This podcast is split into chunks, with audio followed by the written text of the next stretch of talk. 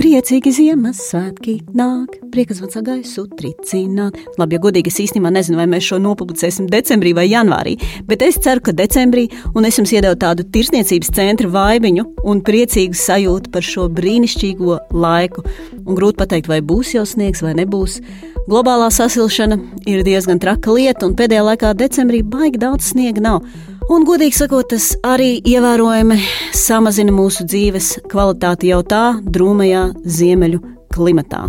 Tāpēc es ļoti ceru, ka podkāsts Muša un mūsu 24. epizode liks jums sajusties drusciņi siltāk un mājīgāk. Tā ir svarīgās lietas. Mani sauc Džēma Sudraba, un šis ir podkāsts ar stāstiem.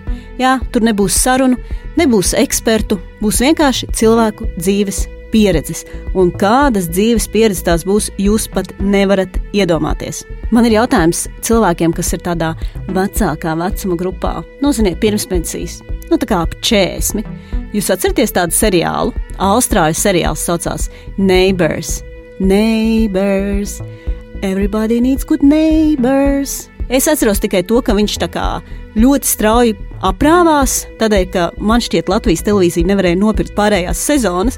Tāpēc es ļoti labi atceros to, ka viņš beidzas ar tādu sprādzienu vienā no mašīnām, un nav skaidrs, vai tie atsevišķie kaimiņi vai viņi izdzīvoja vai nē.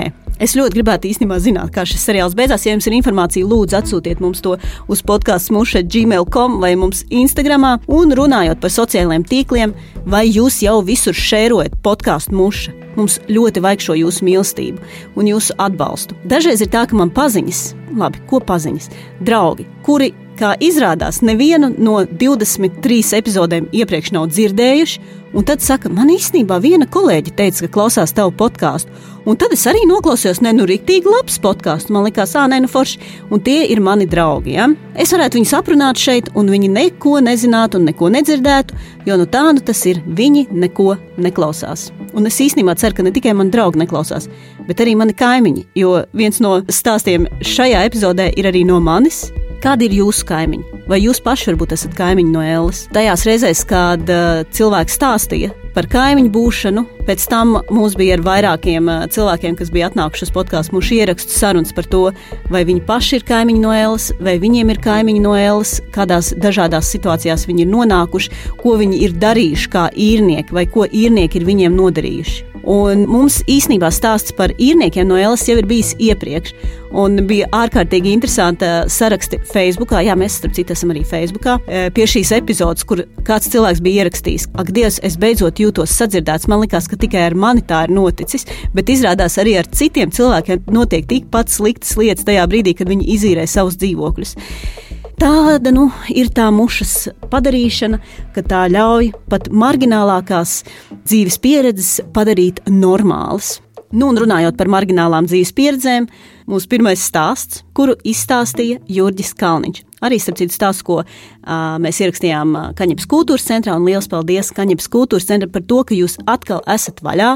Vai jūs esat dzirdējuši 14. epizodi Ceļi un neceļi? Dāvis Kaņepe tur, starp citu, stāsta par to, kādos ceļos un neceļos viņi nonāca ar Kaņepes kultūras centru. Nu tā, ja jums kādreiz ir bijis jautājums par to, kāpēc Kaņepes kultūras centrs kādu laiku bija ciet un tagad ir vaļā.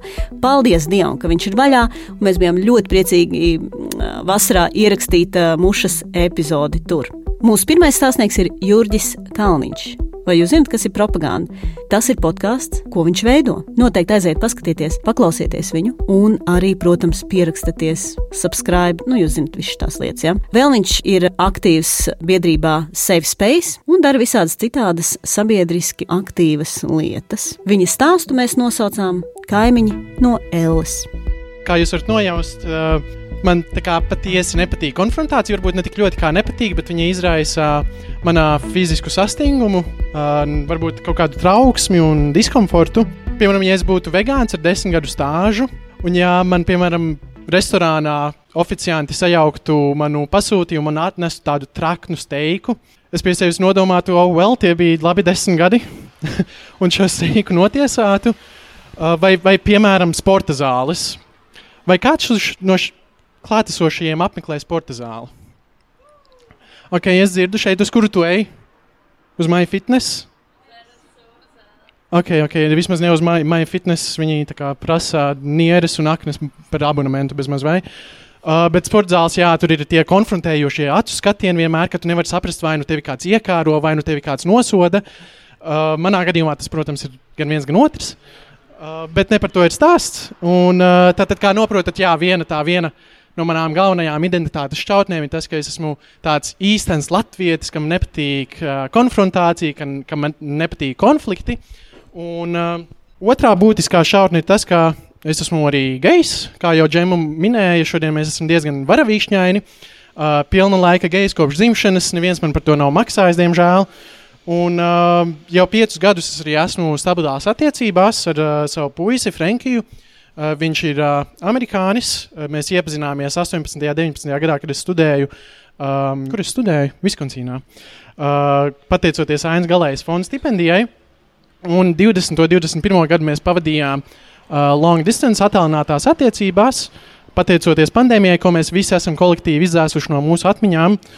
Un uh, beidzot, pagājušā gada 22. gada janvārī uh, Frankijs arī uh, pārvācās uz Latviju. Mēs pieņēmām tādu lēmumu, par cik es dzīvoju Amerikā kādu laiku. Būtu arī godīgi, ja viņš padzīvotu Latvijā. Patestētu. Es viņu ļoti strateģiski pārvācu.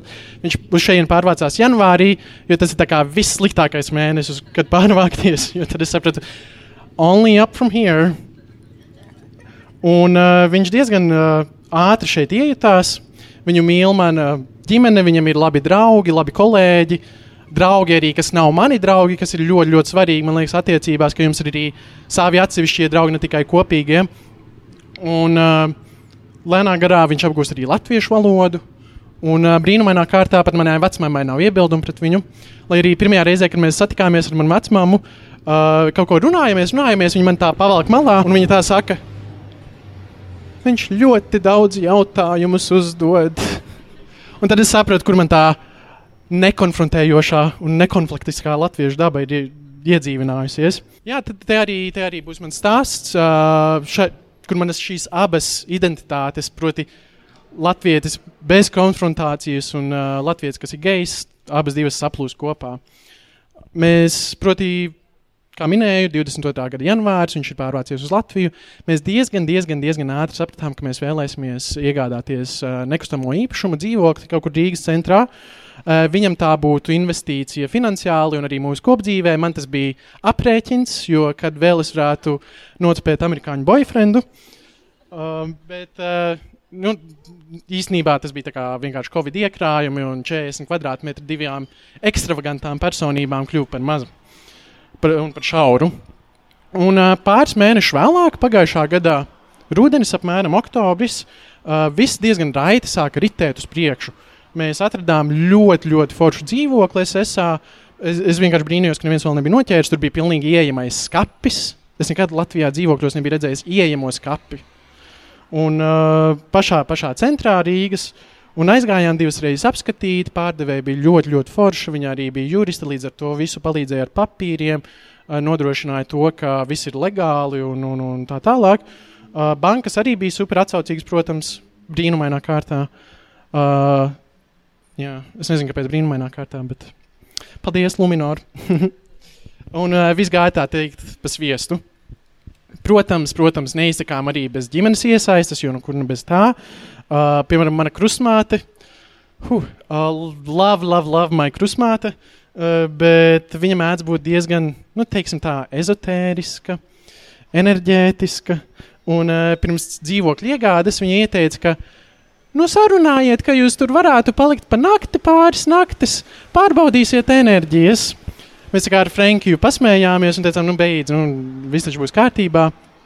Un, tā, tad, protams, visus parakst, papīrus parakstījām, nereiz nepalikām pa nakti. Domājām, ka viss būs safe. 7. decembrī ievācāmies dzīvoklī. Uh, taisām vakariņas, tur skatāmies televizoru, bija jauns televizors, ļoti, ļoti priecājāmies. Uh, baudījām pieaugušu cilvēku dzīvi. Un uh, vakarā tā kā taisamies pie auss, uz auss ir uh, kaut kādi 11, 11, nāk 12 vakarā, līdz pēkšņi tā kā nezinu no kurienes. Mēs tā kā dzirdam, kas sāk skanēt. Rasija, tarā, tā, tā, tā, tā, tā. Okay, tās laikam tās enerģijas, par ko man krusmāte runāja. Un tā arī sākās vesela epopeja ar uh, mūsu lejas stāva kaimiņiem. Mēs zinājām, pirms mēs iegādājāmies dzīvokli, mēs satikāmies ar pāris citiem kaimiņiem. Mēs zinājām, ka šie kaimiņi, kas mums ir tieši zem mums, ir diezgan problemātiski. Viņi ir izmesti no visiem WhatsApp chatiem, viņi ir kā, nu, nobanoti no dzīves bez manai. Bet mēs kaut kā izvēlējāmies to ignorēt. Mums tik ļoti patika tas ieejamais skats, ka to dzīvokli vajadzēja pa visām varītēm. Un, uh, tas ir, uh, kā izrādās, sociālais dzīvoklis ar septiņiem bērniem. Uh, Tēvs ik pa laikam strādā 24 stundu trojkas. Māte, es nezinu, ko dara, bet viņi tur ir. Un uh, bērni uz skolu neiet, to es čīsti zinu. Katru, kā, katru dienu tur ir uh, tāds riktīgs teātris.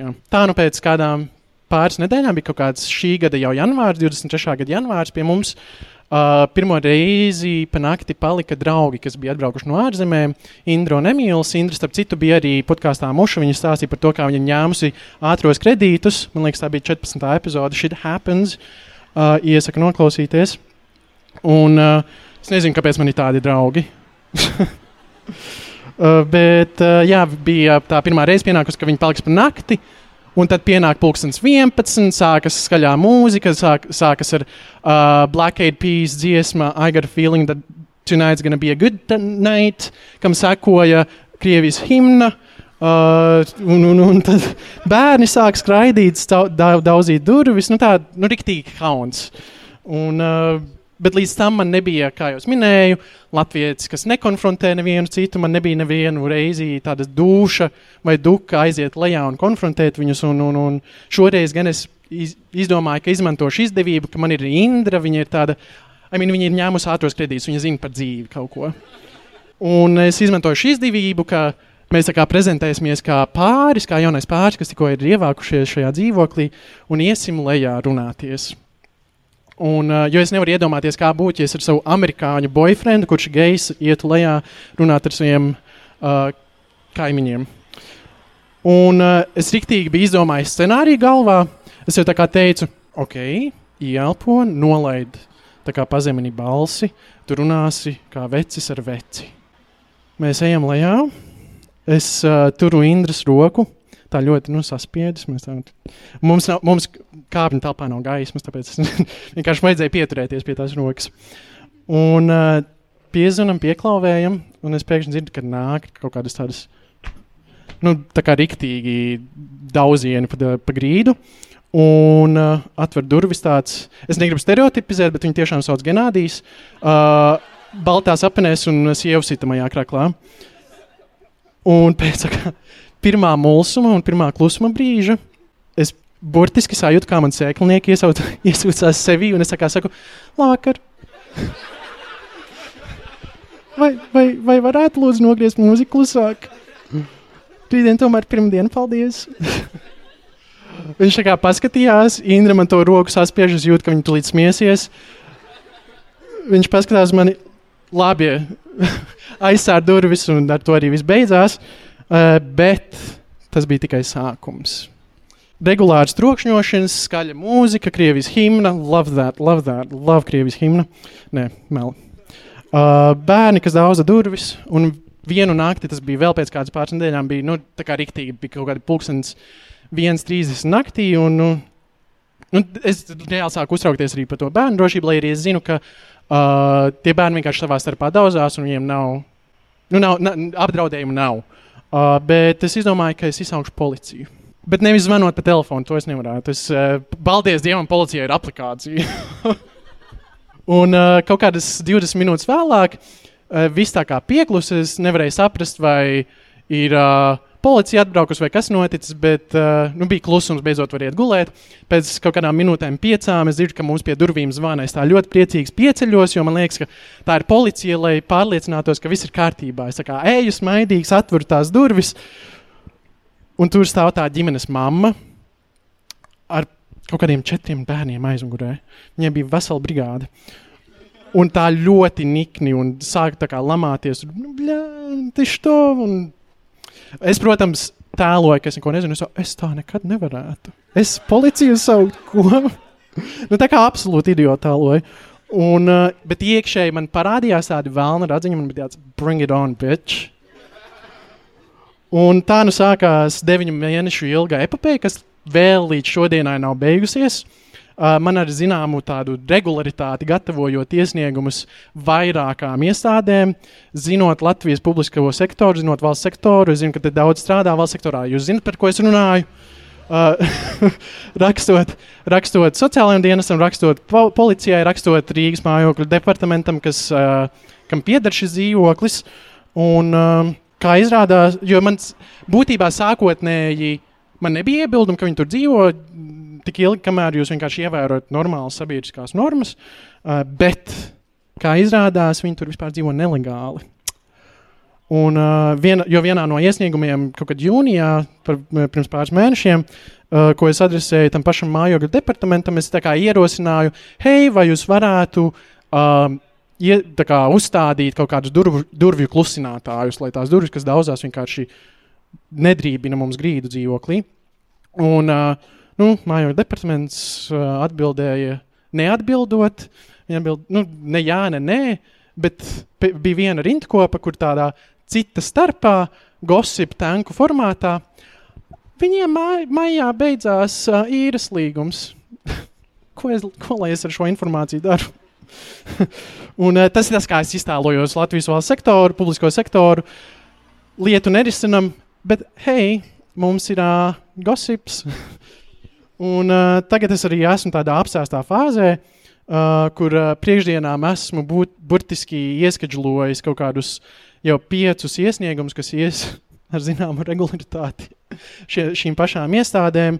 Uh, tiem pašam departamentam, policijai, dienestam, viņus būtībā terorizējot, lai viņi lēnā garā kustina šo procesu priekšu, ar, nu, ar mērķi, ka tai ģimenei, ģimenei vajadzētu atrast citu dzīvokli. Uh, un skarbi, es zinu, bet stāsta morāli.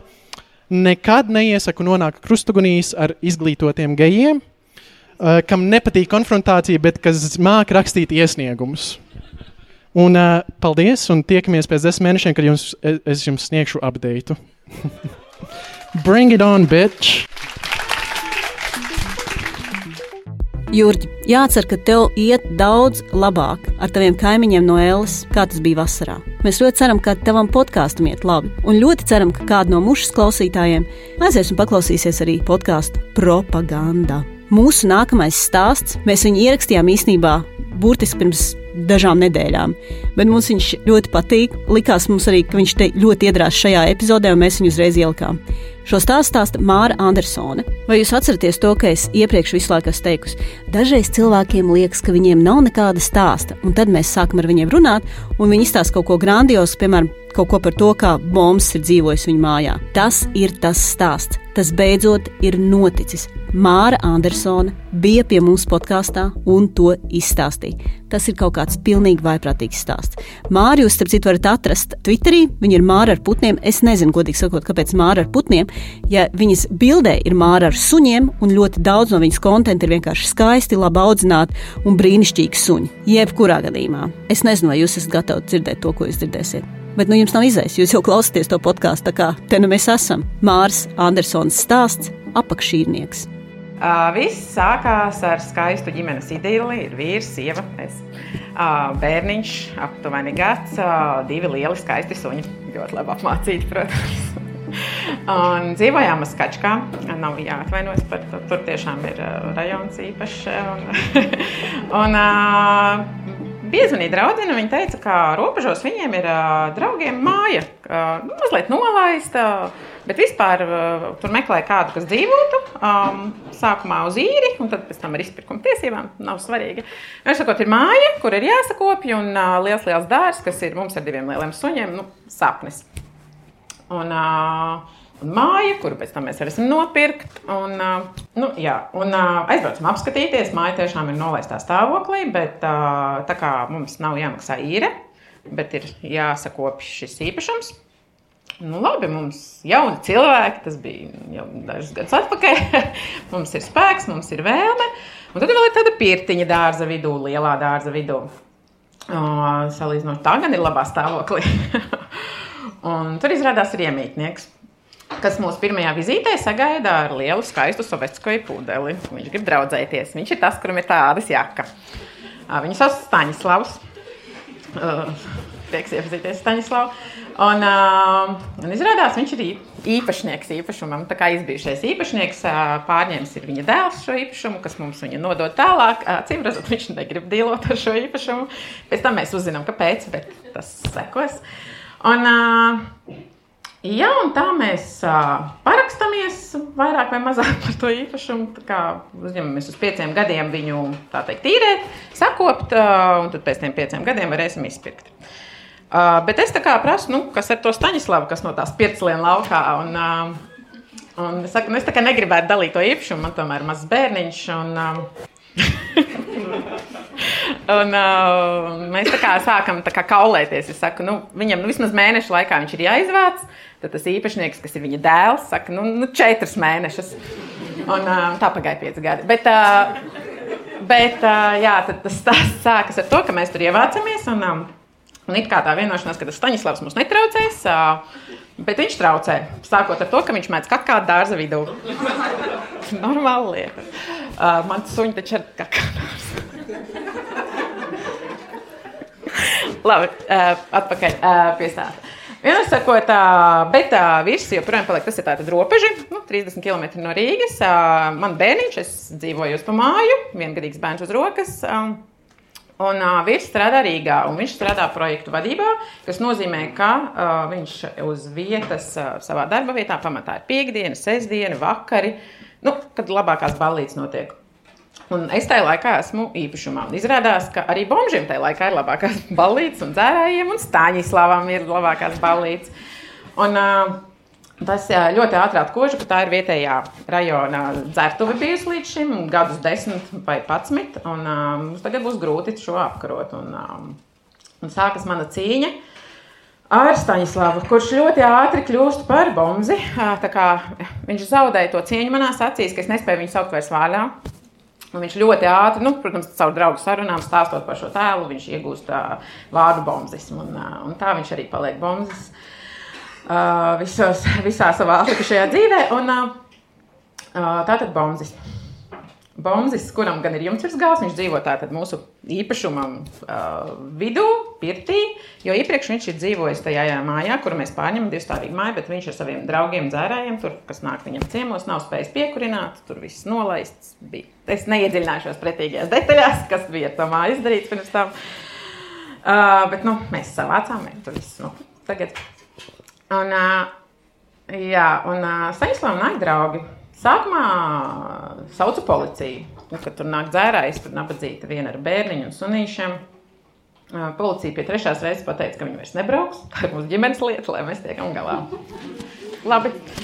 Uh, labi, tad risināšu. Es esmu stipra, strong, independent woman. Ņemu dēlu vienā rokā, lielu kaut kādu kārtīgu stieni, ko es tur atrodu otrā rokā, un iešu dzenāšu tos dzērājus ārā no īpašuma. Jā, skaidrs, ka ne jau viņi tur aiziet dzert, viņi tur mēslu, kā kāpa vidu, un nu, ko viņi tur izdomā darīt. Un, jā, ar stieni, un ir tā, ka es ātri uzzinu gan no policijas, gan no vietējo stāstiem par to, ka Ka, kurš tēls ir kas? Tad tur ir kāds, kurš ir sēdējis par, par slepkavībām vai piekaušanām. Tad ir kāds, kurš ir ļoti nekaļķis. Tu neuztraucies, ja viņš pie tevis nāk, viņš tikai dzer. Viņš nevienam pāri nedara. Un, uh, Nu, jā, un viņi tādi pieci, seši veči. Tur sadzērušies, lieli, katru reizi viņi nekad neierodas jau skaidrā. Un, un tā sākas mans garais ceļš ar viņu dzināšanu. Drīz es iegūstu mācību, ka pirmkārt dzērāji melo. Viņi melo par visu. Viņi at, kā viņi atver muti, viņi melo. Vēl viens mindsets, bombuļu mindsets ir melot. Uh, viņi melo pat par to, ka, ka viņi nāk no, nezinu, no darba, kamēr viņi ir tikko iznākuši no savas istabas. Viņi melo par to, ka gaiss ir zils, gan jā, nu. viņi melo. Bet nu, to es diemžēl apguvu netik veiksmīgā ceļā. Bet uh, es ātri iegūstu, nezinu, trakās sievietes tēlu viņa acīs, jo nu, es tur psihoju ar to savu stieni, bērnu otrā rokā. Protams, dažreiz nāks atstāt bērnu, viengadīgu bērnu iekšā mājā, kamēr es eju cīnīties ar tiem dzērājiem. Jo skaidrs, ka es negribu, lai bērns ir pa vidu. Un tad paralēli vēl uztraucos, kas notiek ar bērnu istabā. nezinu, dzer balinātāju vai kaut ko tādu. Pie, pievienosies bombžiem, vienmēr sakot. Un, uh, Nav smieklīgi. Es zinu, brīdis. Bet, nē, nē, bērnam viss kārtībā, uh, neko nedzēra. Bet fakts, ka stress pamatīgs, es principā dzīvoju gadiem tur milzīgā stresā, tikko gar manu logu kaut kas nozīmē, pat ja tā ir vārna, es jau, es jau ķeru stieni. Skrienu. Pāris reizes, protams, ir bijis zvanīts vīram. Viņš, nu, ko viņš no Rīgas teiks, un kāda jēga viņš atteiks atpakaļ. Viņš izdzenā, aizbrauc atpakaļ uz darbu, un tad viņi pēc mirkļa ir atpakaļ, un policija arī nepalīdz.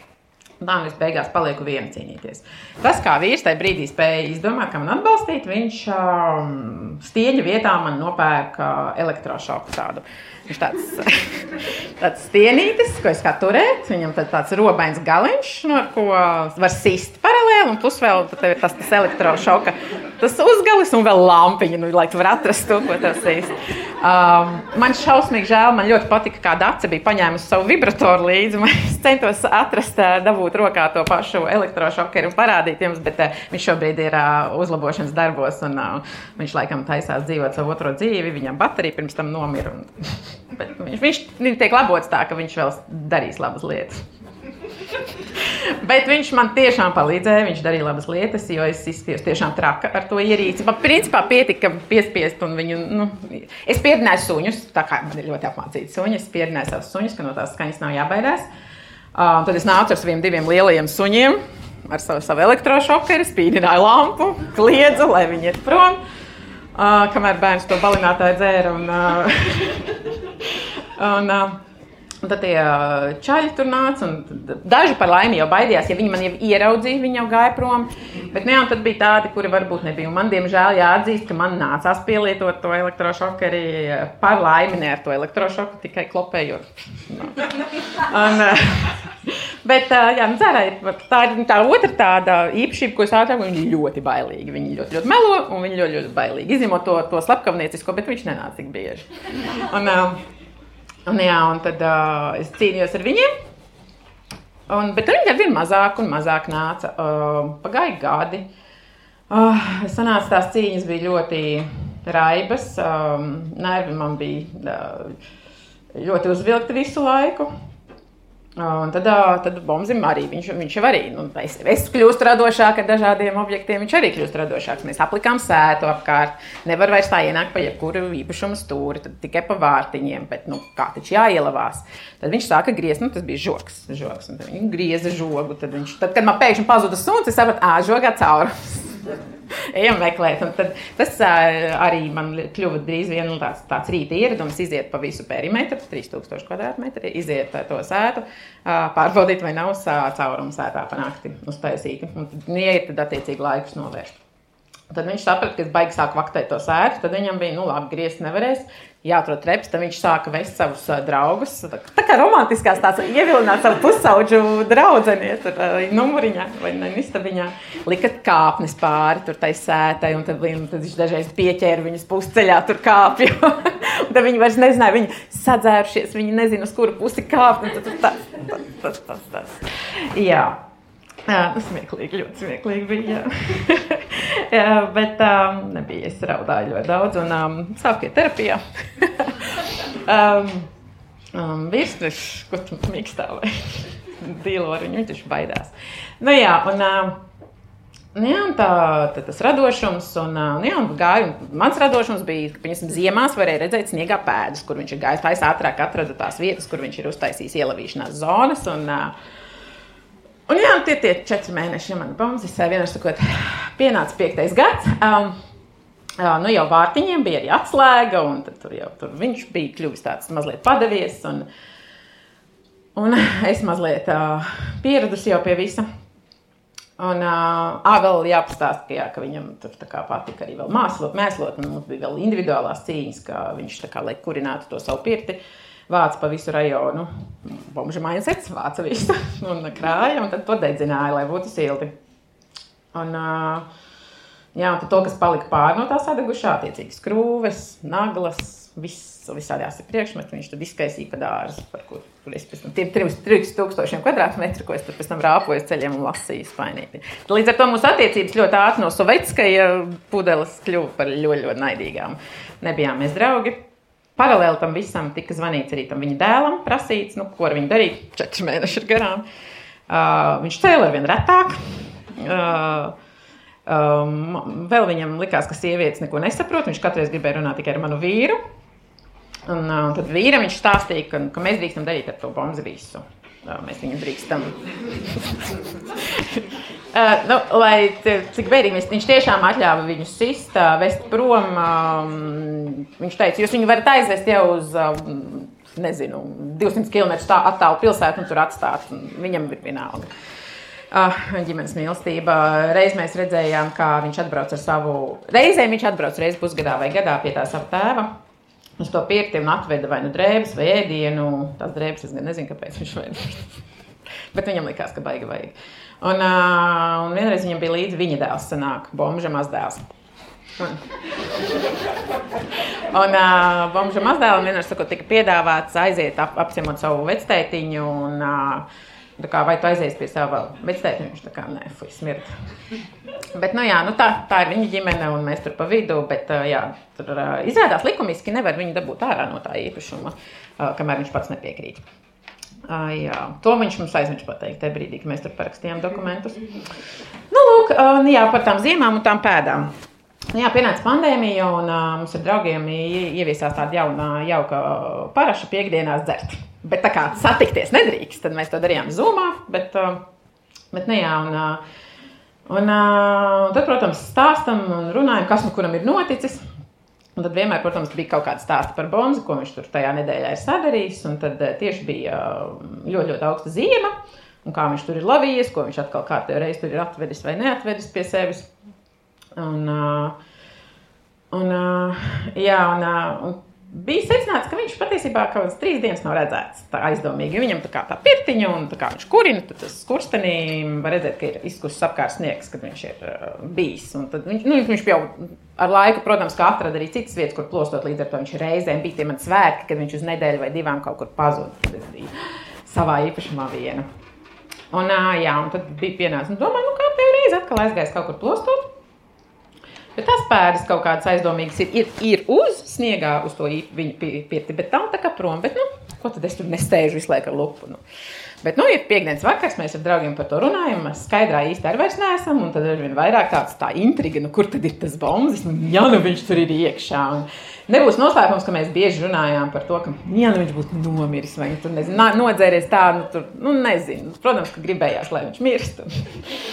Nu, nu kā citādāk, nu, viņi tik izturīgi, tā kā tādi prusaki, nekas viņus neķer. Bija pat ideja nolikt viņam kaut ko ielietai šņabī, kaut ko nolikt to pudeli, bet man liekas, arī tas viņu neķer. Mēs jau uzreiz atmetām to ideju. Nu, tad viņš padzersies tur, uhu, forši.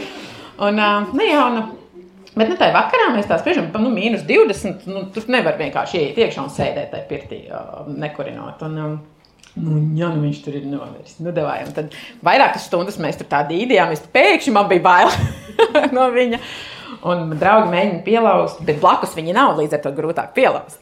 Un, uh, es aizēju pa, paraust durvis, kaut trīs naktī, četri naktī, jau tā kārtīgi naktis, uh, lai es aizēju paraust durvis, vai viņš tur ir, vai viņš nav. Jā, nu viņš tur ir.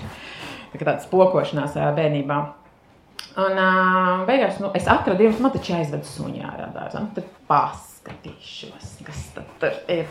Uh, saņēmu uz drosmi, kā stāvu stāvotājs, un beigās nu, vai ātri aizskriešu. Un viņam ir tā, ka tai pirtiņai no iekšpuses ir krampītis. Viņu, viņš, protams, ja viņš ir iekšā, viņš ir krampējis. Bet, nu, ja ļoti grib tur pavērt durtiņas, nu, nu, tā atvērt to krampīti, pasist uz augšu un tikt iekšā. Bet, nu, attiecīgi, no ārpuses viņas nav slēdzamas. Ja viņa nav, tā, tad tās durvis ir vaļā. Tad ir skaidrs, ja, ja es atvērtu, varēšu paraustīt tās durvis, viņas ir vaļā, tad viņi tur nav. Kā interesanti. Uh, Un tā es beigās saņēmu to drosmi ar tiem suņiem kopā, aizskrēju līdz tai pirtiņai un paraustu durvis. Viņas ir cietas. Apskurstenis sniedziņš nav izkusis, pēdiņas nekādas nav. Un es domāju, es varu tur tikt iekšā.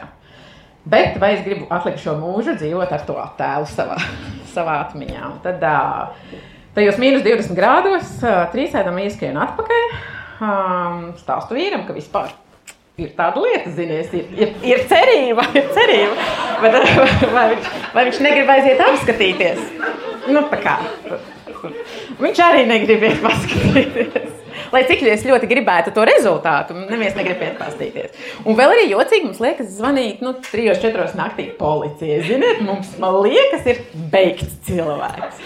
Nu, mm, jā, un, uh, Mēs nolēmām, beigās pēc garām pārunām, nolēmām sagaidīt rītu, lai neizskatās aizdomīgi. Nu, ka, loģiski, ka mūsu pirmos vainos, un es nevienu nevainotu, ka ja mūsu vainotu. un, uh, mēs jā, izsaucam policiju, un um, tad sākas vēl nākamā daļa. Saucam policiju, viņi saka, lai mēs zvanām ātrējai palīdzībai, piezinām ātrējai palīdzībai, viņi saka, lai zvanām policijai.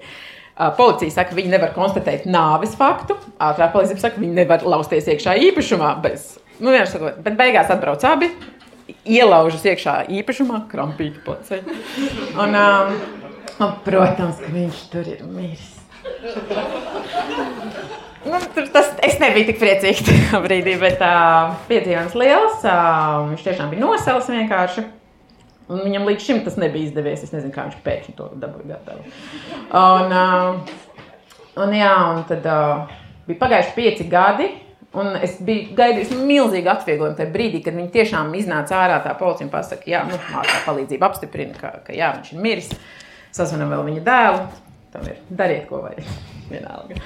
Un, uh, Viņš ir beidzot miris pēc pieciem gadiem. Man liekas, ka man vai, vai bija jābūt tam šampim, tā kā mēs tagad Putina šampi turam, ja visi gaid, gaidot, ka viņš nomirs, ja, lai varētu atkorķēt tā. Man bija tā, nu, tā doma, ka man ir jātur tāds pats šampis. Tad brīdī negribējās viņu vērt vaļā. Nu, nebija tā, tā paclātība. Uh, bet, uh, bet, kā jau minēju, par to terapiju bija. Nu, pandēmija mūs visus diezgan mm, ķēra. Nu, dažus stiprāk, piemēram, mani. Un es biju daudz arī viņai sūdzējusies par to, kā ietekmē manu dzīvi terapeitei. Mm, šis, um, šis liekais cilvēks manā dzīvē. Un tad, kad viņš nomiris, viņai prasīju, uh, vai drīkst uh, priecāties par kādu nāvi. Tad šo stāstu es gribētu jums nodot, ka jā, drīkst, drīkst priecāties par kādu nāvi. Paldies! Jā, Māra, par dažām nāvēm mums ir atļauts priecāties. Es ļoti ceru, ka šodien es to ierakstu, un Putins vēl ir dzīves, bet tajā brīdī, kad jūs klausīsieties, mēs būsim izvilkuši to šāpniešu pudeli un dzersim un priecāsimies, ka Putins ir beigts. Un, godīgi sakot, es nezinu, kā lai mēs tagad pārējām tā līgani uz mūsu pēdējo stāstu. Tas ir mans stāsts par to, kā mēs iepazināmies ar saviem kaimiņiem, un ļoti ceru, ka jums viņš patiks. Tātad Džēmas sudraba stāsts - normāli kaimiņi. Man jāatzīst, ka man arī ir bijušas dažādas pieredzes ar kaimiņiem. Kad pirms vairākiem gadiem mēs, pirms septiņiem gadiem pārvācāmies uz Āgānskalnu, uz tādu vietu, kur visi kaimiņi visus zina, tad mums diezgan ātri kļuva skaidrs, ka kaimiņi mūs ienīst.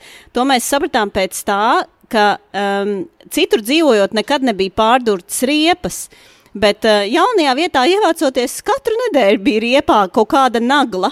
Un, uh, tad, kad mēs eh, devāmies uz servisu, viņi teica, ka kā, šī te ir iesista ritīgi kārtīgi, to nevar vienkārši tāpat dabūt.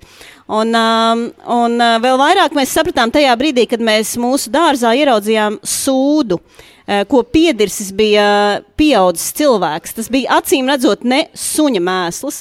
Un, um, kaimiņi arī sūtīja ar roku rakstītas vēstules mums, um, kur viņi teica, kuras viņi beidza pasīvi agresīvā veidā, uh, sakot, laipni lūgti Āgenskalnā. tā, bet vienā brīdī tas beidzās, un uh, mēs, nesen, uh, mēs nesen īstenībā iegādājāmies īp, uh, maz dzīvokli uh, Kuldīgā.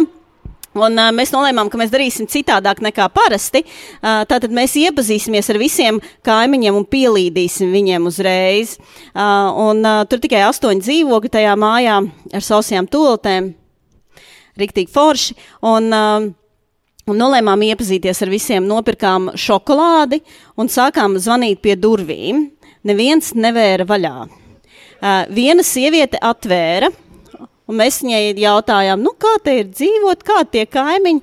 Un viņa saka, ka viss ļoti labi, forši kaimiņi, viss mierīgi, viss kārtībā. Tad mēs tā runājam, runājam. Viņa saka, ne, nu, protams, ka tur dzīvo, uh, tas ir sociālais dzīvoklis, tas ir alkoholiķis, tas jums ir jāņem vērā. Viņš regulāri dzer.